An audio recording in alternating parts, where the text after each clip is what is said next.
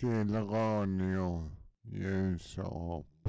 Idag har vi äran och glädjen att hälsa vår domprost i Växjö, Kristoffer Meakin. Varmt välkommen på ett samtal. Tack. Hur har coronan påverkat Växjö pastorats verksamhet och arbete? Ja, man kan väl säga att eh, den har påverkat rätt mycket. Som ni vet så har pandemin gått i olika faser. Och när det har varit eh, restriktioner, till exempel vad gäller max antal man får ha vid en så kallad eh, allmän samling, så har vi fått anpassa oss därefter. För vi i kyrkan, eh, våra gudstjänster räknas som sådana här samlingar i lagens mening. Och därför måste vi hålla oss till exempel till de maxantal som har funnits under olika perioder. Och det är klart, eftersom hela meningen med kyrkan och med kyrkans gudstjänst är att samla folk, så blir det en rätt så, ett, rätt så en, en, stor förändring för oss när vi inte har kunnat samlas till gudstjänst. Början på pandemin, innan, innan någon riktigt visste exakt hur det, hur det skulle mm, Alltså, vi, vi visste inte från början exakt hur det här, det här viruset, den här pandemin skulle eh, liksom påverka oss i detalj. Och då kan man säga under första perioden så var eh, då rekommendationen att vi inte skulle ha några offentliga gudstjänster där vi samlade eh, människor utan vi skulle istället um, be för människor um, vid de tider vi normalt hade gudstjänster. Men efterhand som vi lärde oss lite mer om hur man skulle förhålla sig och när andra restriktioner kom så har vi eh, samlat människor till gudstjänst men i små skaror. När vi hade den här långa perioden med att man högst fick vara åtta personer. Det är klart att det är svårt att veta hur ska man avgränsa det, hur ska man veta vilka man kan släppa in och, och, och så. Så då gjorde vi så att vi hade eh, i pastoratet som är rätt stort eh, lite olika sätt att lösa det lokalt. Ute på landsbygden var på ett sätt, inne i stan på ett annat sätt. Men eh, det som blev väldigt, väldigt bra var att vi kunde i vissa av våra kyrkor ha perioder, till exempel söndagar i domkyrkan mellan, mellan eh, 10 och 12 på söndagar. Då människor kunde komma och eh, ta emot nattvarden enskilt eller i små grupper, högst åtta åt gången. Och där märkte vi att det var många som tog det här tillfället och kom. Så jag brukar säga att vi har aldrig firat så många nattvardsgudstjänster i, i, i domkyrkan som vi har gjort under den här tiden. Om man tänker små, små korta gudstjänster som samlade människor. Men det är klart, det har påverkat oss mycket. Vi har inte kunnat ha öppna gruppverksamheter med gamla människor med tanke på det här med 70-årsprincipen ehm, um, att man ska vara försiktig om man är över 70 att, att möta människor, människor i riskgrupper. Ehm, det har påverkat vår, vårt konfirmandarbete att vi inte har kunnat samlas. Men då har vi övergått till digitala konfirmandgrupper. Så vi har faktiskt konfirmerat ungefär lika många som vi brukar göra fast på lite andra sätt. Så det har påverkat mycket. Och det är klart, människor som inte kunnat gå ut, som har varit isolerade, som normalt sett har kanske kommit till våra olika grupper, de har vi försökt ha kontakt med på andra sätt.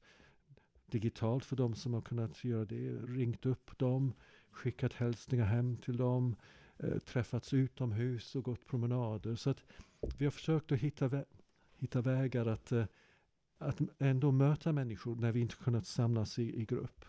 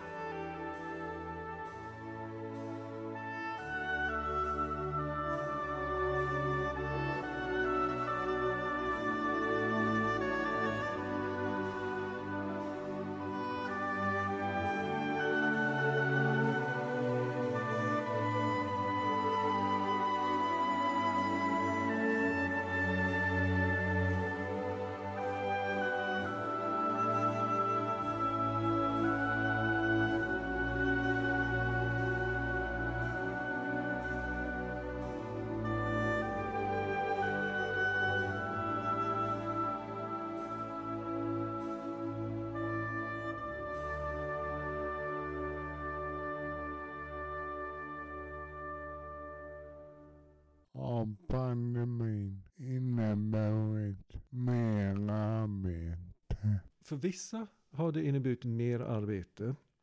För andra har det inneburit att ställa om arbetet, arbeta på delvis nya sätt. Så att det har lite grann berott på vad man har haft för, för uppgift, vad man har haft för verksamhet i normala fall.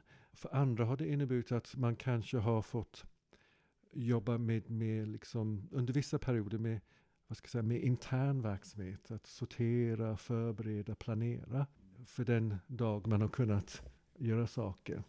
Medan andra har fått, fått jobba kanske mera ute, eh, varit ute, eh, träffat folk utomhus. Man har kanske inte kunnat göra hembesök men man har kanske, till exempel några av våra musiker har åkt till boenden och sjungit utanför för människorna eftersom man inte har kunnat besöka de här boendena. Så att ja, i viss mån mer arbete men för många eh, nya sätt att arbeta. Har pandemin lett till att fler söker sig till kyrkan på grund av oron? Ja, jag har ingen statistik men till exempel våra diakoner i vissa eh, områden har sagt att man har haft fler samtal för människor som är oroliga, som är ensamma. Och även givetvis våra präster har fått själavårdssamtal. I, i, särskilt i innerstadskyrkorna har vi försökt ha medarbetare i kyrkorna regelbundet under dagtid för att kunna fånga upp människor som söker sig till kyrkorummet för att finna en, en, en stunds stillhet. Och om de har velat prata så har man då kunnat fånga upp det och, och mötas. Givetvis med avstånd och, och, så och alla sådana här säkerhetsåtgärder. Men um, i och med att vi inte har kunnat samlas till gudstjänst i, i, i större grupper har de här kontakterna med människorna varit uh, så att säga enskilda möten, samtal en med en. Men jag tror att man kan säga att vi har försökt att fånga upp oron och många har uttryckt sin oro. Sen vet man inte, det finns säkert ett, ett, ett stort antal som inte har vågat ens en gång liksom komma på det sättet. Men vi har också haft mycket telefonsamtal. Och kyrkan har någonting som kallas för jourhavande präst. Som vi har haft sedan många, många år tillbaka i hela landet. Där har man sagt att det har varit många fler som har ringt. För man är orolig, man är ensam, man är, man är ledsen och så.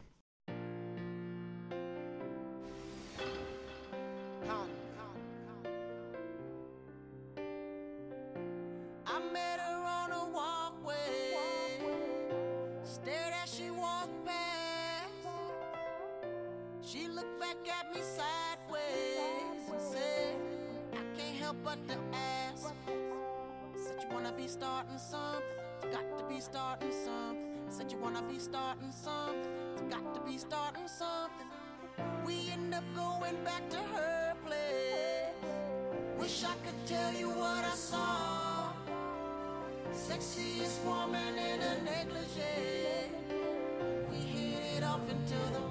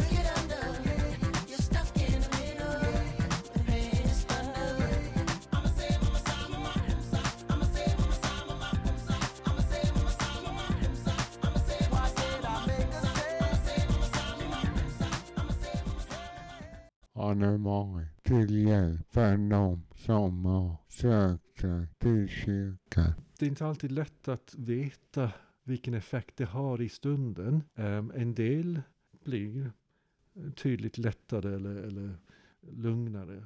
En del andra kanske går därifrån utan att man riktigt vet vilken effekt samtalet har haft. Men man får tänka att de har ändå fått prata av sig. De har blivit lyssnade till. Och vi vet allmänt av erfarenhet att det, bara det faktum att man känner att någon har lyssnat på en kan göra att man känner sig lugnare. Men sen kan det kanske vara så att det inte, det inte mm, dröjer så länge förrän oron kommer tillbaka. Det vet vi inte när personen befinner sig i sin ensamhet. Men vi, vi tror och hoppas att det har kunnat hjälpa. Hur har det fungerat med de digitala sändningarna? Eh, lyssnare och tittare är nöjda med dem? Ja, det är en mycket bra fråga. Um, som ni vet, eller särskilt du som är teknisk, så kan man mäta det här med, med um, hur många det är som, som går in och, och, och, tittar på sändningar. Men jag har förstått att det är svårt att skapa en väldigt um, exakt bild av hur länge man lyssnar, om det är bara tillfälligt man lyssnar fem minuter eller man har eller tittat fem minuter eller man har tittat en hel gudstjänst och så.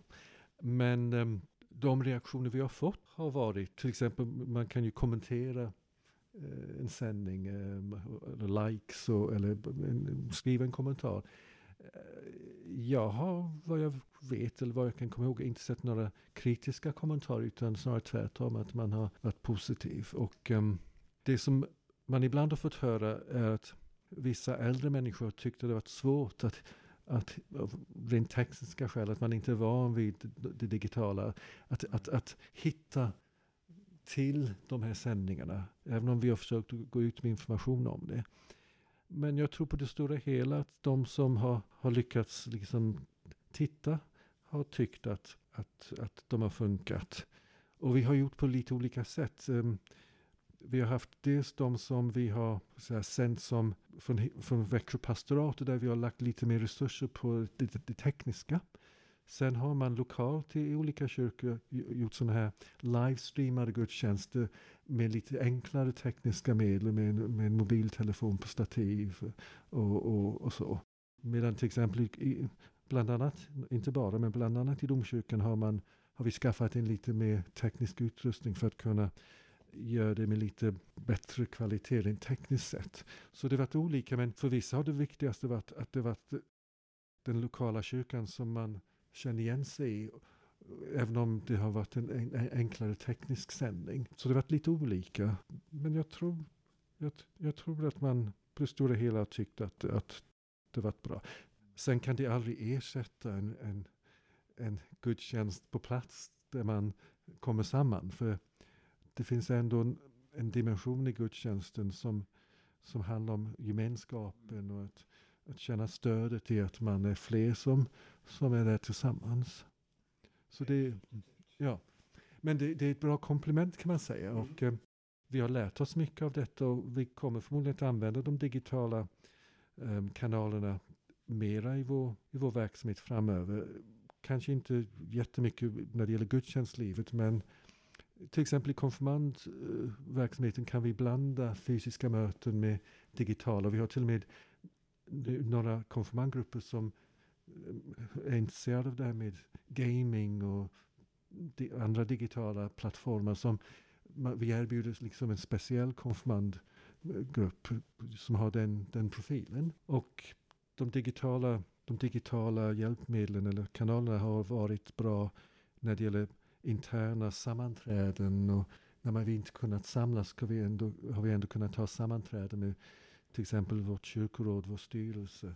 Och när man har avrått arbetsplatser att samla medarbetare till, till samlingar så har vi samlats digitalt för att ändå kunna hålla igång.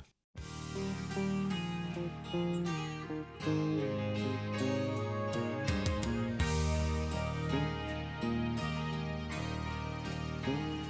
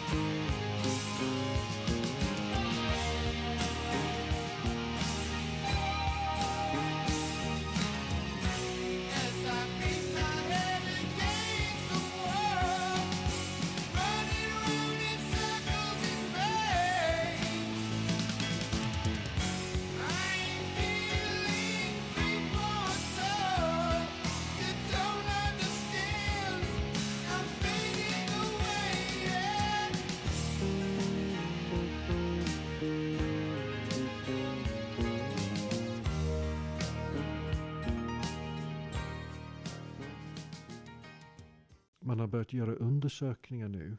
Eh, forskare kring det här med hur det, med eh, det digitala påverkar gudstjänstlivet och, ehm, och hur man använder de digitala eh, kanalerna. Och där man har sett att det finns digitala gudstjänster där man bara så att säga överför det man gör normalt i en vanlig gudstjänst till det digitala. Men man har också sett att det finns de som har försökt att, Eh, hur ska jag uttrycka det, göra gudstjänster på, på delvis nya sätt. Därför att det, det digitala liksom är en annan ska ett, annat, um, ett annat sätt att, att, att umgås på. Och kanske göra dem mer interaktiva. Kan nå kanske de som man annars inte skulle nå genom att de inte kommer till kyrkan. Nu, nu, det är ju, vi lever i en digital, eh, virtuell värld väldigt mycket. Och människor liksom, de kan söka, man kan vara med på gudstjänsten på andra sidan jordklotet. Jag tror att vi, vi kommer att få fundera mycket kring det här även när pandemin är över. Hur når vi till nya grupper? Kanske med de här, ja, de är inte nya kanaler för de har funnits sedan länge men eh, i vår värld har vi kanske inte använt dem så mycket. Hur kommer det sig att Växjö pastorat förväntas gå back med 8,5 miljoner kronor år 2023 är det dels av pandemin. Nej, egentligen inte. Eller ja, det, snar, det har snarare varit så under pandemin att, att vi har fått ett överskott i relation till budget. Därför att eftersom vi inte har kunnat samlas så har våra verksamheter inte kostat lika mycket. Även om vi har genomfört dem. Om man inte samlar människor till exempel och ska ordna fika till exempel så kostar det inte lika mycket. Så att, men det, där, det handlar om de långtidsprognoser som man gör nu i kyrkan. De närmaste, ja, här i Växjö har vi gjort prognoser de närmaste tio åren. Och när man tittar på medlemsutvecklingen i Svenska kyrkan, antalet medlemmar som vi har de kommande åren, så ser vi av olika skäl att, att um, antalet medlemmar procentuellt minskar. Dels därför att uh, en del människor lämnar kyrkan, men det är kanske inte huvudsaken utan um, det blir mer en snöbollseffekt att när människor inte har lämnat eller eh, kommer att lämna så blir till exempel deras barn inte medlemmar framåt. Plus att med tanke på att vårt samhälle blir allt mer multikulturellt och människor kommer från andra länder som inte har kristen bakgrund. Då blir den procentuella andelen i befolkningen som är medlemmar i kyrkan mindre. Och det innebär också att våra medlemsavgifter minskar. Och det är huvudinkomstkällan för oss, det är medlemsavgifterna. Och när man sen väger detta mot kostnadsökningen. Så om de här prognoserna slår in, då kommer vi att gå back så småningom.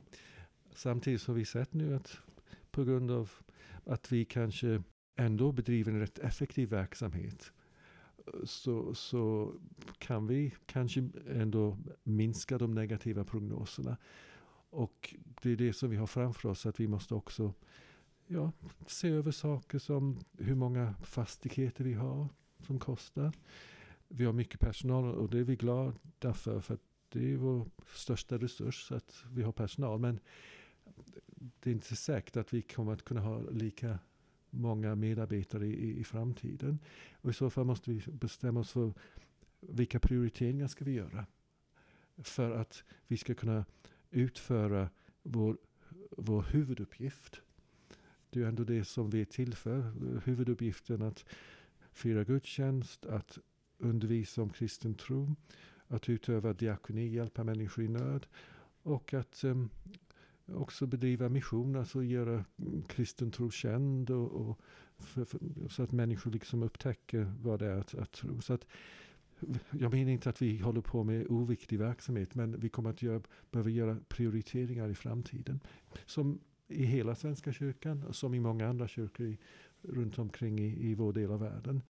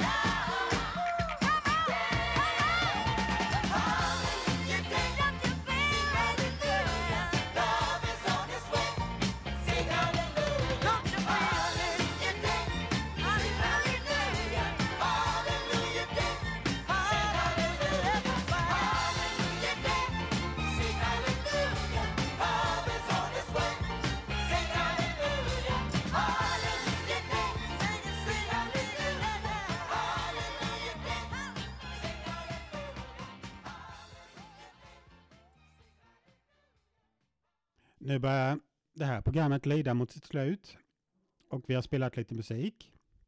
Vi började med Ennio Morricone, den italienska filmkompositören och vi spelade då huvudtemat för filmen The Mission och det stycket heter Gabriels och Bo.